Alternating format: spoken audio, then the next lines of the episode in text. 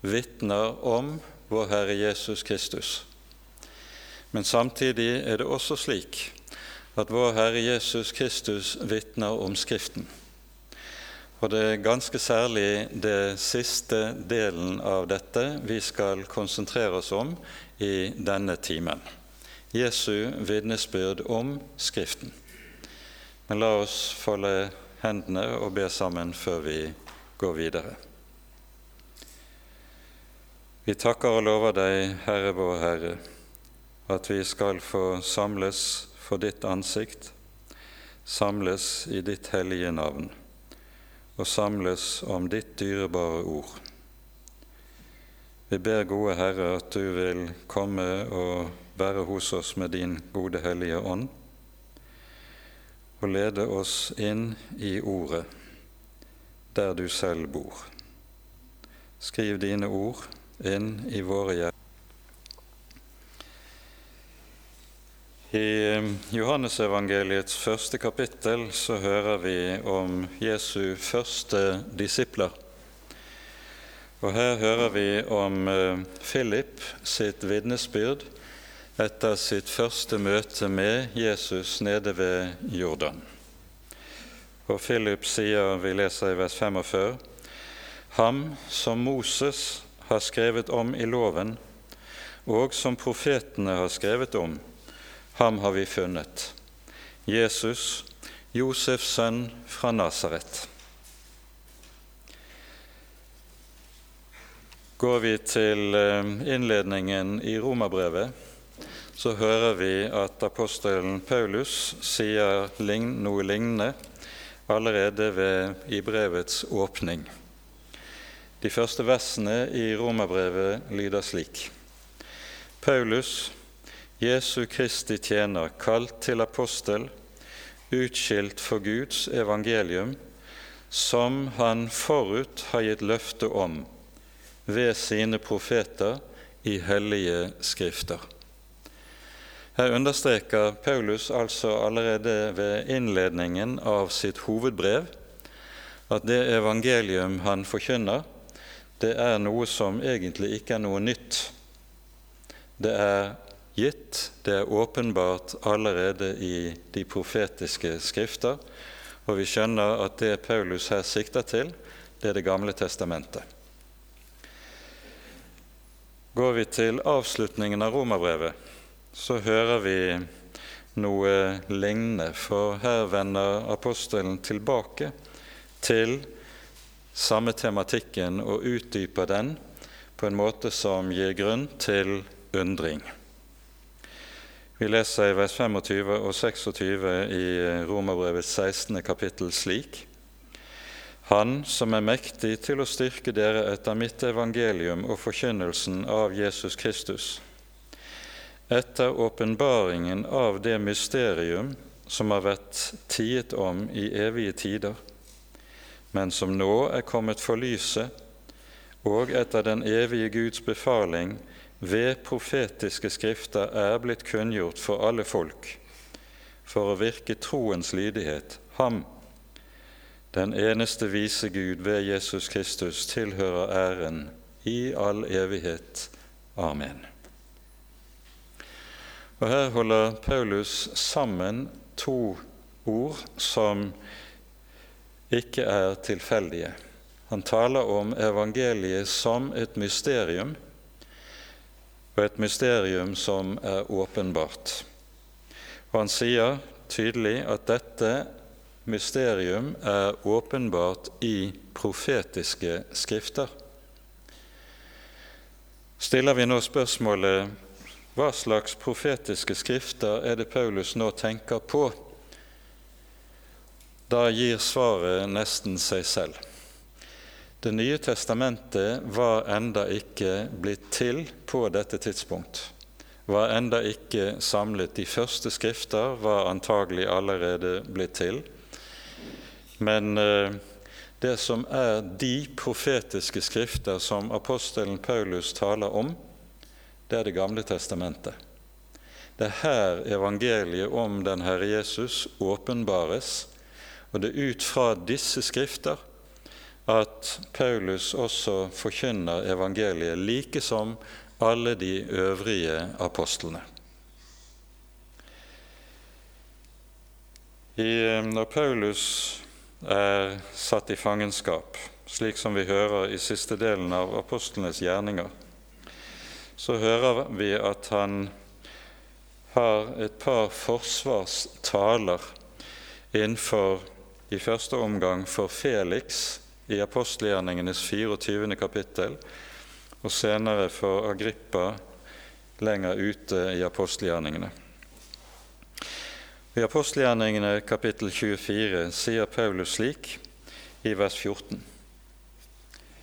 Det vedgår jeg for deg etter den veien som de kaller en sekt, tjener jeg våre fedres Gud slik at jeg tror alt det som er skrevet i loven og profetene. Og er det viktig å være oppmerksom på et par grunnleggende ting ved selve oversettelsen. Det står først at 'det vedgår jeg for deg'. Det ord som anvendes i grunnteksten, er ordet som ellers vanligvis oversettes med 'å bekjenne'. Det bekjenner jeg for deg. Paulus avlegger altså her en bekjennelse som er grunnleggende med tanke på hele hans øvrige tjeneste og forkynnelse. Etter den Guds vei, som de kaller for en sekt Han står anklaget av uh, fariseerne. Så sier han, så tjener jeg således mine fedres Gud at jeg tror alt som står skrevet i loven og profetene. Paulus beskriver altså denne sin tro som en tjeneste. Det er en grunnleggende del av tjenesten. Det er rett og slett det å tro. Og hva er det han tror? Jo, alt som står skrevet i loven og profetene. Det som er bakteppet for dette, er at Paulus sammen med hele den eldste kristne menighet forsto Det gamle testamentet som hellig skrift. Og Begrepet hellig skrift er overmåte betydningsfullt. Hvis du leser gjennom din bibel, så vil du ikke finne begrepet Bibel anvendt i noen sammenheng. Men begrepet Skriften, eller Hellig Skrift, anvendes hyppig. To ganger hører vi i Det nye testamentet at uttrykket 'hellig skrift' anvendes. Det ene stedet har vi allerede lest, i innledningen til Romerbrevet. Det andre er i 2. Timotius brev, i det tredje kapittel, der Paulus skriver til Timotius som den som fra barndommen av kjenner de hellige skrifter, som kan gjøre ham vis til frelse ved troen på Jesus Kristus. Legg merke til hvorledes apostelen omtaler Det gamle testamentet. Det er hellige skrifter som kan gi visdom til frelse ved troen på Jesus Kristus. Og Dette er nettopp kjernen i den eldste kristne menighets tro, like som det var det i den apostoliske forkynnelsen. Det gamle testamentet vitner om den Herre Jesus Kristus. Og Derfor er det slik at vi hører apostlene i sine skrifter stadig viser tilbake til Det gamle testamentet. Uttrykket 'hellig skrift' finner vi altså bare to ganger i Det nye testamentet. Men vi finner kortformen eh, svært, svært hyppig. Det kan enhver eh, forvisse seg om ved å slå opp i en bibelordbok. Uttrykket 'Skriften' anvendes særdeles hyppig i hele Det nye testamentet. Og like som vi eh, finner uttrykket 'det står skrevet' anvendes meget hyppig for å betegne samme sak. Det viser tilbake til Det gamle testamentet som den hellige skrift, som har den absolutte autoritet i den apostoliske forkynnelse. Nå er det da slik at i Paulus' samtid, i apostlenes samtid, så finner man det underlige forhold at det var to ulike grupper Vi kunne etter hvert nesten tale om to ulike religioner, nemlig jødedom og kristendom, som opererer med den samme hellige skrift.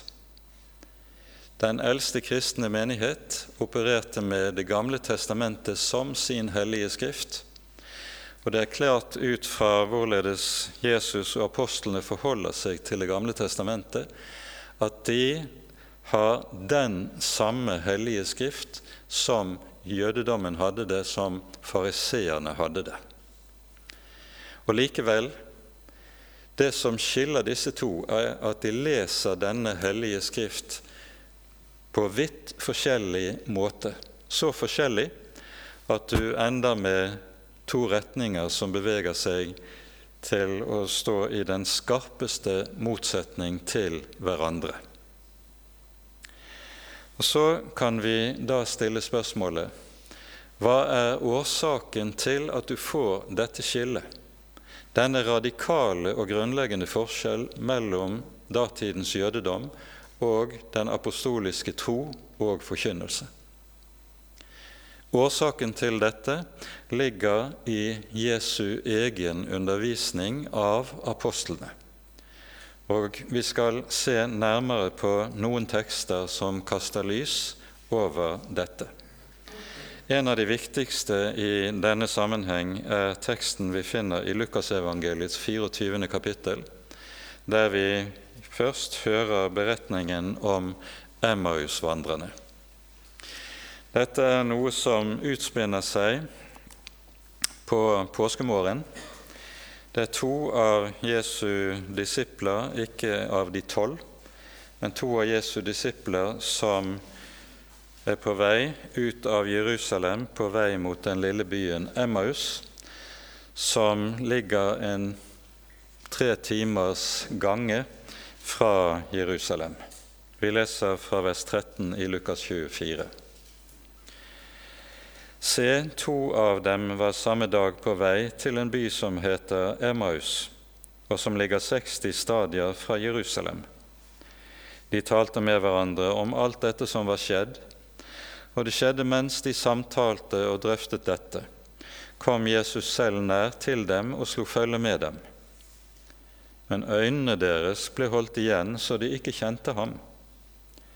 Han sa til dem, Hva er det dere går og samtaler om på veien? De sto stille og så bedrøvet opp.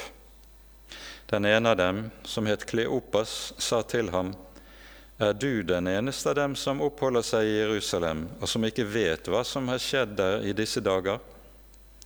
Han sa til dem, Hva da?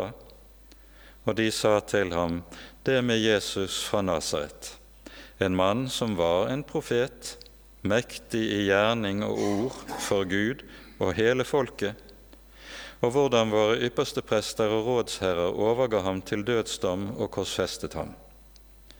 Men vi håpet at han var den som skulle forløse Israel, og nå er det alt den tredje dagen siden disse ting skjedde. Men så har også noen av våre kvinner forferdet oss. Tidlig i dag morges var de ute ved graven, men de fant ikke hans legeme. Så kom de og fortalte at de hadde sett et syn av engler som sa at han lever. Noen av dem som var med oss, gikk da til graven. De fant det slik som kvinnene hadde sagt, men ham så de ikke. Da sa han til dem:" så uforstandige dere er, og så trege i hjertet til å tro alt det profetene har talt. Måtte ikke Messias lide dette, og så gå inn til sin herlighet. Og han begynte fra Moses og fra alle profetene og forklarte for dem i alle skriftene det som er skrevet om ham. Da de nærmet seg landsbyen som de var på vei til, lot han som han ville gå videre. Men de nødet ham og sa, Bli hos oss, for det lir mot kveld, og dagen heller. Han gikk da inn for å bli hos dem. Og det skjedde da han satt til bords med dem, da tok han brødet, ba velsignelsesbønnen, brøt det og ga dem. Da ble deres øyne åpnet, og de kjente ham. Så ble han usynlig for dem, og de sa til hverandre:" Brant ikke våre hjerter i oss da han talte til oss på veien og åpnet Skriftene for oss? Amen. Det vi føres inn i her, det er en oppstandelsesfortelling som skiller seg fra alle de øvrige oppstandelsesfortellingene vi møter i evangeliene. I de øvrige oppstandelsfortellingene hører vi at når Jesus kommer, viser seg for disiplene etter oppstandelsen, så gir han seg til kjenne ved å vise dem naglemerkene. Se, det er meg. Men her skjer det motsatte. Her står det at øynene deres holdes igjen. Og vi forstår årsaken av sammenhengene i teksten. Årsaken er at Jesus vil at disiplene skal lære å se ham på en annen måte enn med sine ytre øyne, på historisk måte. De skal lære å se ham i Skriften.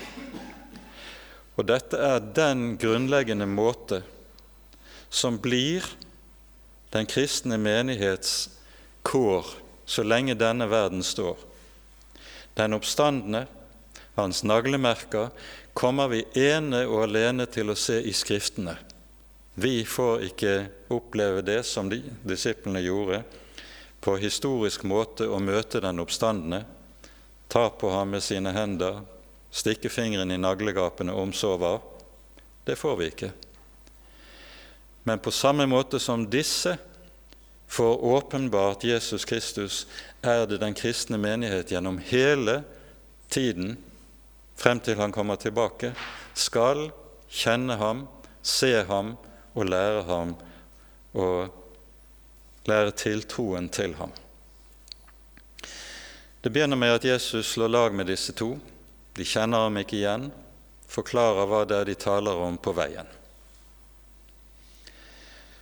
Og vi skjønner hva slags forvirring, frustrasjon, og fortvilelse som lyder gjennom dem. Vi hadde håpet at han var den som skulle forløse Israel, sies det. Korset er for disse disipler, like som for de øvrige, for de tolv, en voldsom krise. For det var etablert tro innenfor jødedommen at en at Messias han skulle ikke lide døden. Og At dette var, faktisk var etablert tro innen jødedommen, det vet vi av det som skjedde 100 år senere. Da kommer det andre, den, det andre jødiske opprør, der en mann som kalles Stjernesønnen, kommer til å bli den som leder opprøret fra år 132 til 135. Han utropes av de ledende rabbinere i samtiden til å være Messias. Tre år etter utbruddet av opprøret bryter det hele sammen. Bar Korpa, stjernesønnen, faller, henrettes av romerne. Og rabbinerne må innrømme vi tok feil. Han var ikke Messias. For i jødedommen var det etter datidens tenkning slik at en død Messias var en falsk Messias. Og det er dette som er den store krisen for disiplene når Jesus korsfestes. I tillegg til at korset var noe endelig i deres øyne, så var jo korsdøden i tillegg en alt annet enn en ærerik død. Det var en død i den aller dypeste fornedrelse. Og hvordan kunne han, som de hadde satt sitt håp til, bygget sitt liv på, bygget sin fremtid på, hvordan kunne han tas fra dem på en slik måte? Korset kaster disiplene ut i en veldig forvirring og i en veldig krise. Og det er dette som får luft gjennom de fortvilte ordene Vi hadde håpet at han var den som skulle forløse Israel. Det er et skuffet håp som lyder gjennom disse ordene. Og Da er det vi skal merke oss hvordan Jesus svarer til dette. De setter ord på sin ytterlige forvirring gjennom å berette hva de har hørt fra kvinnene ved graven. Og så er det Jesus sier i vers 25.: Så uforstandige dere er, trege i hjertet til å tro alt det profetene har talt. Jesus begynner med en refselse. Dere dårer og senhjertede til å tro, sto det i den gamle bibeloversettelsen. Og hva er det Jesus refser disse to for? Det han sier, det er altså at årsaken til at de ikke forstår hemmeligheten med Jesu kors og Jesu oppstandelse, det ligger i deres gale forhold til Den hellige skrift, til Det gamle testamentet. Årsaken til at de er der de er, det er at de står i et galt forhold til Skriftene i Det gamle testamentet. Og Derfor fortsetter Jesus med å si måtte ikke Messias lide dette og så gå inn til sin herlighet. I grunnteksten står det bokstavelig det var nødvendig at Messias måtte lide dette og så gå inn til sin herlighet. Hvorfor var det nødvendig?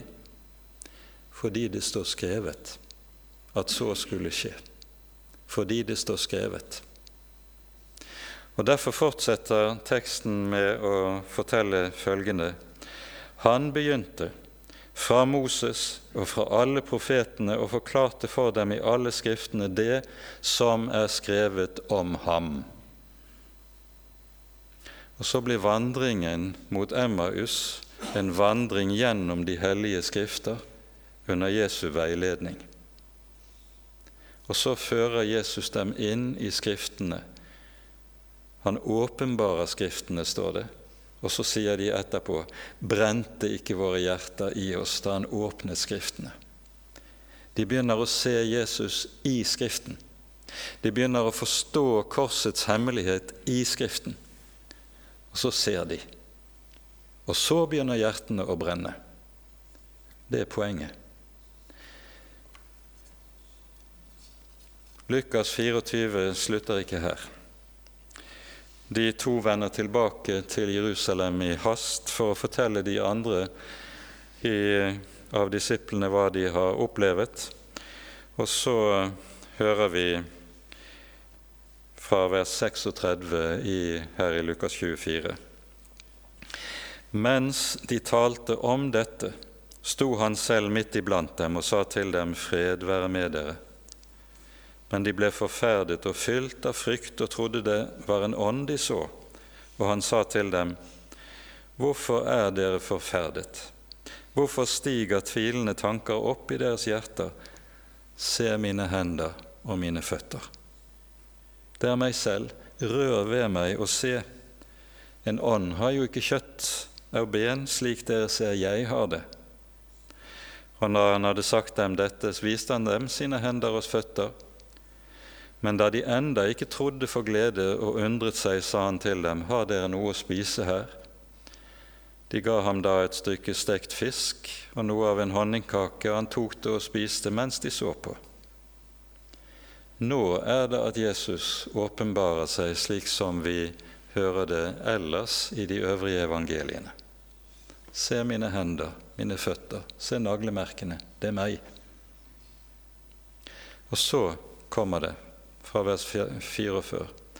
Så sa han til dem:" Dette er mine ord som jeg talte til dere mens jeg enda var hos dere. at alt det måtte oppfylles som er skrevet om meg i Moselov og profetene og salmene. Da åpnet han deres forstand, så de kunne forstå Skriftene. Og på ny vi skal legge nøye merke til ordlyden i det som står her.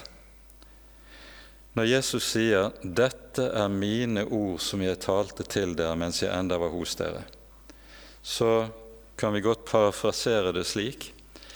Jesus sier hvis jeg skal sammenfatte min undervisning av dere i løpet av de tre og et halvt årene vi har vært sammen, så kan de sammenfattes i denne korte sum. Alt som står skrevet i loven, profetene og salmene om meg, må oppfylles. Jesus sammenfatter sin undervisning med å si at hans undervisning av disiplene har ikke vært annet enn undervisning i Det gamle testamentet og oppfyllelse av Det gamle testamentet. Med dette i bakgrunnen er det grunn til å si Jesus kommer ikke med noe nytt i forhold til det som står skrevet i Det gamle testamentet. Jesus kommer ikke med noe nytt i forhold til Det gamle testamentet. Aller minst er han en religionsstifter som kommer med en ny religion som avløser den gammeltestamentlige religion, slik det ikke har vært uvanlig å hevde innen deler av moderne teologi. Tvert om. Jesus fundamenterer alt han har gjort, og alt han har sagt, i det som står skrevet i det vi kaller for Det gamle testamentet, i Skriftene. Og De tre uttrykkene loven, profetene og salmene det er eh, betegnelser på de tre hoveddelene av Det gamle testamentet som datidens jødedom vanligvis inndelte Det gamle testamentet i. Så åpnet han deres forstand, så de kunne forstå Skriftene.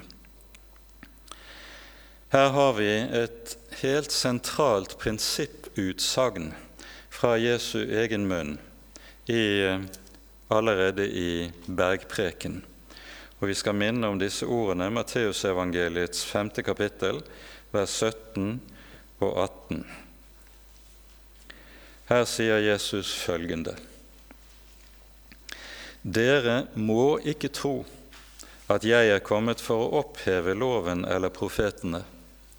Jeg er ikke kommet for å oppheve, men for å oppfylle. For sannelig sier jeg dere, før himmel og jord forgår, skal ikke den minste bokstav eller en eneste tøddel i loven forgå før det er skjedd alt sammen. Dette er et prinsipputsagn fra Jesus' side når det gjelder det grunnleggende forhold til Det gamle testamentet. Og Det er med forankring i denne slags skriftord at Martin Luther skriver i forordet til sin oversettelse av Det gamle testamentet når den kommer ut, i 1534 var det vel, at det egentlig er slik at det er Det gamle testamentet som er den hellige skrift. Evangeliet er egentlig en muntlig ord som er en forkynnelse av det som er gitt i, allerede i de hellige skrifter i Det gamle testamentet. Luther har mye mer å si om saken, men dette bare nevnt i forbifarten for å peke på en sammenheng som er ganske betydningsfull, også inn i luthersk tradisjon. Vender vi tilbake til Lukas 24, så fortsetter Jesu undervisning eller tiltale til apostlene slik som vi hører det fra vers 46 her. Jesus sa videre til dem, så står skrevet at Messias måtte lide og stå opp fra de døde den tredje dagen, og at i Hans navn skal omvendelse og syndenes forlatelse forkynnes for alle folkeslag fra Jerusalem av. Dere er vitner om dette. hva er det apostlene er satt til å være vitner om? At Messias skulle lide og stå opp fra de døde, og at i hans navn skulle syndenes forlatelse forkynnes? Ja, det er de. Men de er vitner også om én ting til. De er vitner om at det står skrevet at dette skulle skje. De er vitner om at det står skrevet, og at det som står skrevet, er gått i oppfyllelse. Det er det som er poenget. Og dette får de aller største konsekvenser for apostlenes forkynnelse og undervisning.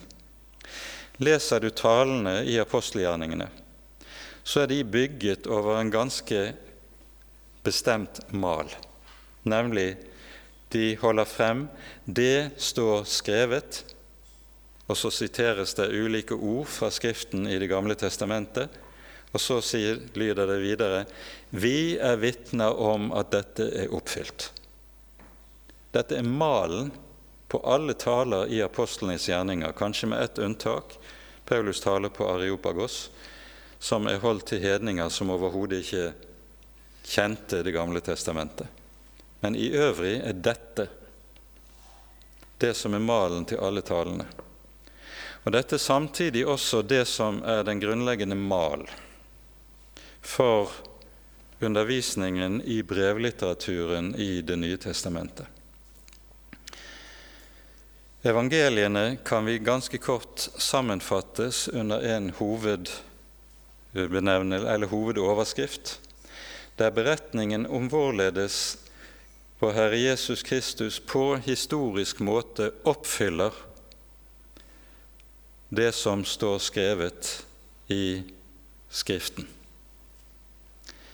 Brevlitteraturen er i alt vesentlig å forstå som en litteratur som lærer oss hva denne oppfyllelse av Skriftene innebærer for oss som mennesker her i verden. Og så kommer frelsesbudskapet klart frem gjennom utleggelsen av hva oppfyllelsen faktisk innebærer. Og Dette gjør også at vi ganske kort må si noen ord om nettopp dette som var problematikken i forholdet mellom jødedom og kristendom. Man sto overfor den samme hellige Skrift, men denne hellige Skrift ble altså forstått og lest på vidt forskjellige måter. Vi står overfor det som man kaller for et hermenautisk problem, et tolkningsproblem. Og Det som er poenget med Det nye testamentets undervisning, det er at her står vi overfor en undervisning der vi lærer å forstå Skriften, Det gamle testamentet, slik som Jesus har lært oss å lese Skriften. På mange måter så tror jeg det er berettiget å hevde, fordi f.eks. For et skrift som Romerbrevet, som jo regnes som Paulus sitt hovedbrev, det er et brev som har som noe av sin hovedintensjon å lære menighetene hvorledes de skal lese Det gamle testamentet. Dette er noe av hovedårsaken til de hyppige sitater fra Det gamle testamentet som du finner i Romerbrevet. Romerbrevet er vel et av de skriftene i Nytestamentet som hyppigst viser til det gamle. Og så lærer Paulus menigheten slik er Skriften å forstå. Han gir dem en undervisning i hvordan Den hellige Skrift skal leses og forstås slik som den Herre Jesus har lært. Det mer prinsipielle forhold til dette tar Paulus opp i 2. Korinterbrev i det tredje kapittel. Der taler han om forskjellen på den gamle og den nye pakt, den gamle pakts folk, som du finner innen jødedommen og den nye pakts folk som har fått del i evangeliet. Og så hører vi om hvorledes Paulus beskriver forskjellen mellom disse to. Og han bruker da en, eh, et forbilde hentet fra annen Mosebok. Ehm, så eh, vi tar oss tid til å lese her fra vers 13 i 2. Korinterbrevs 3. kapittel. Vi gjør ikke som Moses, som la et dekke over ansiktet for at Israels barn ikke skulle se slutten på det som svant men deres sinn er blitt forherdet, for helt til denne dag blir det samme dekket liggende når de leser den gamle pakt, og det blir ikke tatt bort, for det er bare i Kristus det blir fjernet. Helt til denne dag ligger et dekke over deres hjerte når Moses blir lest. Men når de omvender seg til Herren, blir dekket tatt bort. Dette er ganske sentrale vers. Men her er det Paulus setter ord på noe av det samme som vi hører fortalt i Lukasevangeliets 24. kapittel, der det sies at Jesus åpnet deres forstand så de kunne forstå Skriftene. Det taler om et dekke som må tas bort for at Skriften kan forstås. Og hva er det så det handler om, og som skal forstås? Det handler om to ting. For det første det som Paulus setter ord på i 1. Korinterbrev kapittel 15. Her sammenfatter Paulus det som vi godt kan kalle for troens ABC i de første versene i dette kapittelet. Så vi tar oss tid til å lese fra vers 1 her. Jeg kunngjør dere, brødre, det evangelium jeg forkynte for dere, det dere også tok imot, og som dere også står fast i. Ved det blir dere også frelst, dersom dere holder fast ved det ord jeg forkynte dere det, om dere da ikke forgjeves er kommet til tro. For jeg overga dere blant de første ting det jeg selv tok imot, at Kristus døde for våre synder etter Skriftene. Etter Skriftene. Jesu død, Jesu kors, er oppfyllelse av Skriftene. Han ble begravet, han ble reist opp på den tredje dag etter Skriftene. Etter Skriftene. Det er altså slik at Det nye testamentet forstår det som skjer med Jesu liv, og først og fremst hans kors og oppstandelse, som noe som er oppfyllelse av det som står skrevet.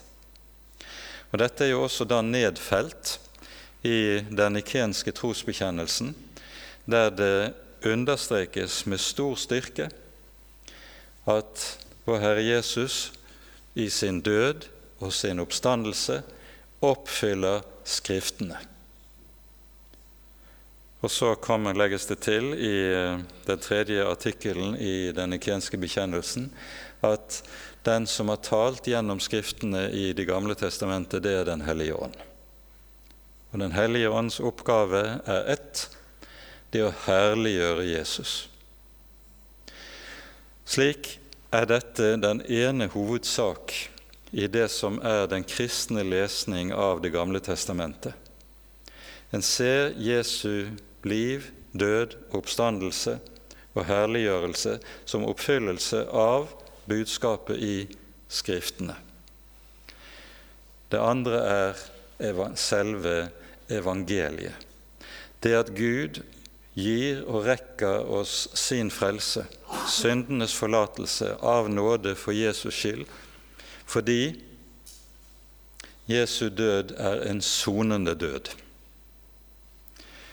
Og Dette er altså også noe som må åpenbares. For nettopp her er det du finner den avgjørende forskjell inn i Paulus sitt eget liv, der Paulus i sin person så å si er livsvitne på hva det dreier seg om. Jesus, Paulus er vokst opp i en familie av fariseere. Har fått rabbineropplæring ved Gamaliels føtter, slik som vi hører han selv berette det.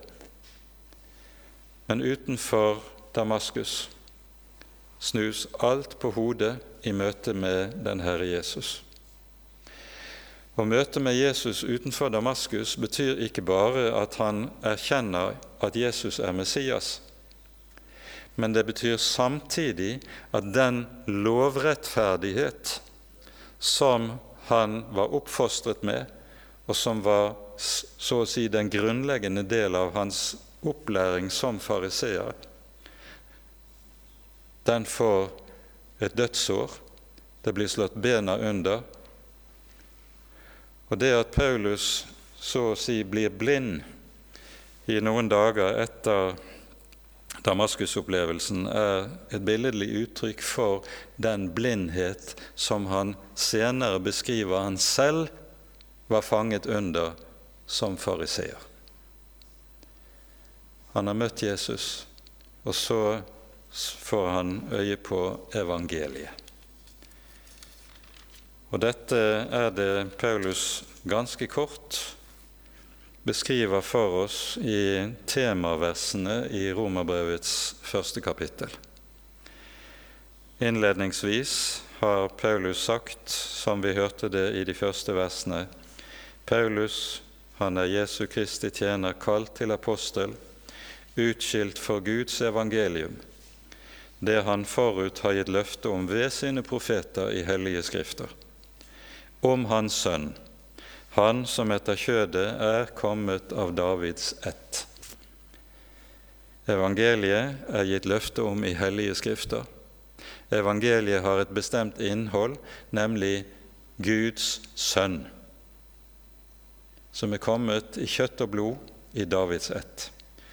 Og så fortsetter Paulus med å si i vers 16 og 17 hva dette evangelium faktisk dreier seg om.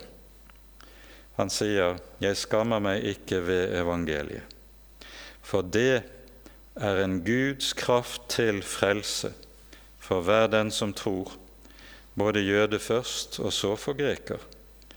For i det åpenbares Guds rettferdighet, av tro til tro. Som skrevet står:" Den rettferdige av tro skal leve. Og vi merker oss apostelen viser på ny til hva som står skrevet, når han skal gjøre klart hva evangeliet dreier seg om. Evangeliet om rettferdiggjørelsen ved tro for Jesus skyld, det er også noe som er åpenbart i Skriftene i Det gamle testamentet. Og Dette er en hovedsak i Paulus' sin undervisning, ganske særlig i Romerbrevet, men vi tør også i denne sammenheng ganske særlig dra inn Galaterbrevet på samme måte. Galaterbrevet inneholder på samme måte som Romerbrevet en hel rekke henvisninger til og aktiv bruk av Det gamle testamentet som underviser nettopp om hvorledes troens rettferdighet ikke er noe nytt som kom med den apostoliske forkynnelse, men noe som er gitt, åpenbaret allerede i Skriften i Det gamle testamentet. Og Derfor er det også eh, en grunnleggende hovedsak i Paulus' sin undervisning at de som ble frelst i den gamle pakts tid, de ble frelst av tro, ikke av gjerninger. Det er det Paulus sin undervisning f.eks. om Abraham og David, slik som vi møter det i romerbrevet, skal godtgjøre. Rettferdiggjørelsen av tro er ikke noe nytt. Det er et hovedpoeng for Paulus å understreke dette nettopp ved at han viser til at dette er noe som er gitt åpenbart i Skriften i Det gamle testamentet. Dette er altså talen om og budskapet om evangeliet og Kristi person, slik som det er gitt oss i de hellige skrifter. De er gitt oss som et løfte som er kommet gjennom profeter, og Peter skriver om dette i sitt annet brev følgende. Aldri er noe profetord brakt frem ved menneskers vilje, men de hellige Guds menn talte, drevet av Den hellige ånd. Det er fordi det er Den hellige ånd som selv er det talende subjekt gjennom Skriftene i den gamle pakts tid. Det er av denne grunn Skriftene kan åpenbare Jesus, åpenbare Korset, åpenbare evangeliet. Dette evangelium som er gitt i de hellige skrifter, er ikke noe som Den kristne kirke kan klare seg foruten.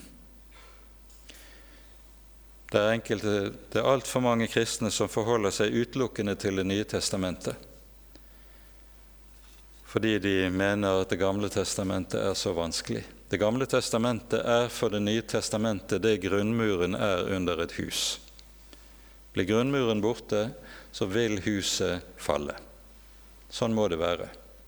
Og Jeg tror at en god del av Kirkens ulykke i våre dager henger sammen med et forkvaklet forhold til Det gamle testamentet. Det er mye å si om det, vi skal ikke gå videre inn i den saken her. Her skal vi bare legge merke til hva apostelen Peter skriver i dette første kapittel i sitt annet brev. Her hører vi at Peter beretter om forklarelsen på berget. Det som fortelles for oss i Matteusevangeliets 17. kapittel, der Jesus tar med seg Peter, Jakob og Johannes opp på et høyt bjerg og forklares for deres øyne. Dere husker de får høre Guds røst lyde der på berget. Dette er min sønn, den elskede, i hvem jeg har velbehag. Hør ham, sies det. Peter minner om dette fra vers 16 her i første kapittel i sitt annet brev, og skriver slik.: Det var ikke kløktig uttenkte eventyr vi fulgte, da vi kunngjøre dere vår Herre Jesu Kristi makt og gjenkomst. Men vi hadde vært øyenvitner til Hans storhet. For han fikk ære og herlighet av Gud Fader da en slik røst lød til ham fra den aller høyeste herlighet. Dette er min sønn, den elskede, i hvem jeg har velbehag. Denne røst hørte vi lyde fra himmelen da vi var sammen med ham på det hellige fjell. Og så kommer det. Desto fastere har vi det profetiske ord som dere gjør vel i å akte på. Peter sier ikke når vi har hatt så store opplevelser, så vidunderlige åpenbaringer, da trenger vi jo ikke lenger disse gamle skriftene. Men han sier det motsatte. Nettopp av det som de har vært øyenvitner til, så er dette noe som stadfester Skriften, og som gjør at de kristne desto mer nøye skal arbeide med, akte på, befatte seg med de hellige skrifter. Desto fastere har vi det profetiske ord, sier Peter. Peter sløyfer her i sitt referat av det han beretter, de siste ordene som lød fra Faderen på bjerget, nemlig ordene 'Hør ham'. Ellers er jo disse ordene som her gjengis fra Guds munn, identiske med det som lød ved Jesu dåp. Men det legges altså til denne korte setning ved forklaringen på berget 'Hør ham'. Og Denne korte befaling den er hentet fra 5. Moseboks 18. kapittel, der Herren lover Moses at en profet like som deg vil jeg la fremstå for Israel. Og vi leser ganske kort de versene fra 5. Moseboks 18. kapittel.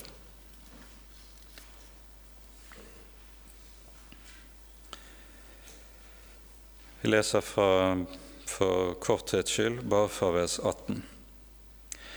En profet vil jeg reise opp for dem av deres brødre, like som deg. Jeg vil legge mine ord i hans munn, og han skal tale til dem alt det jeg byr ham. Vær den som ikke hører på mine ord som han skal tale i mitt navn, skal jeg kreve til regnskap for det. Her sies det rett og slett et menneskes evige frelse, Guds velsignelse over et menneskes liv, er avhengig av dets forhold til Hans ord.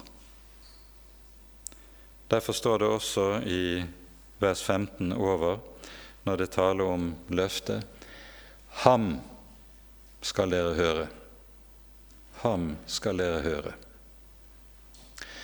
Og så har vi hørt i denne timen hvorledes ham vi skal høre, underviser om hvilket forhold vi skal stå i til de hellige skrifter. En kristen skal ikke stå i et annet forhold til de hellige skrifter enn det Jesus og apostlene lærer oss. Også i dette stykket skal vi høre ham. Med det setter vi punktum for denne timen. Ære være Faderen og Sønnen og Den hellige ånd, som var, er og være skal, en sann Gud, høylovet i evighet. Amen.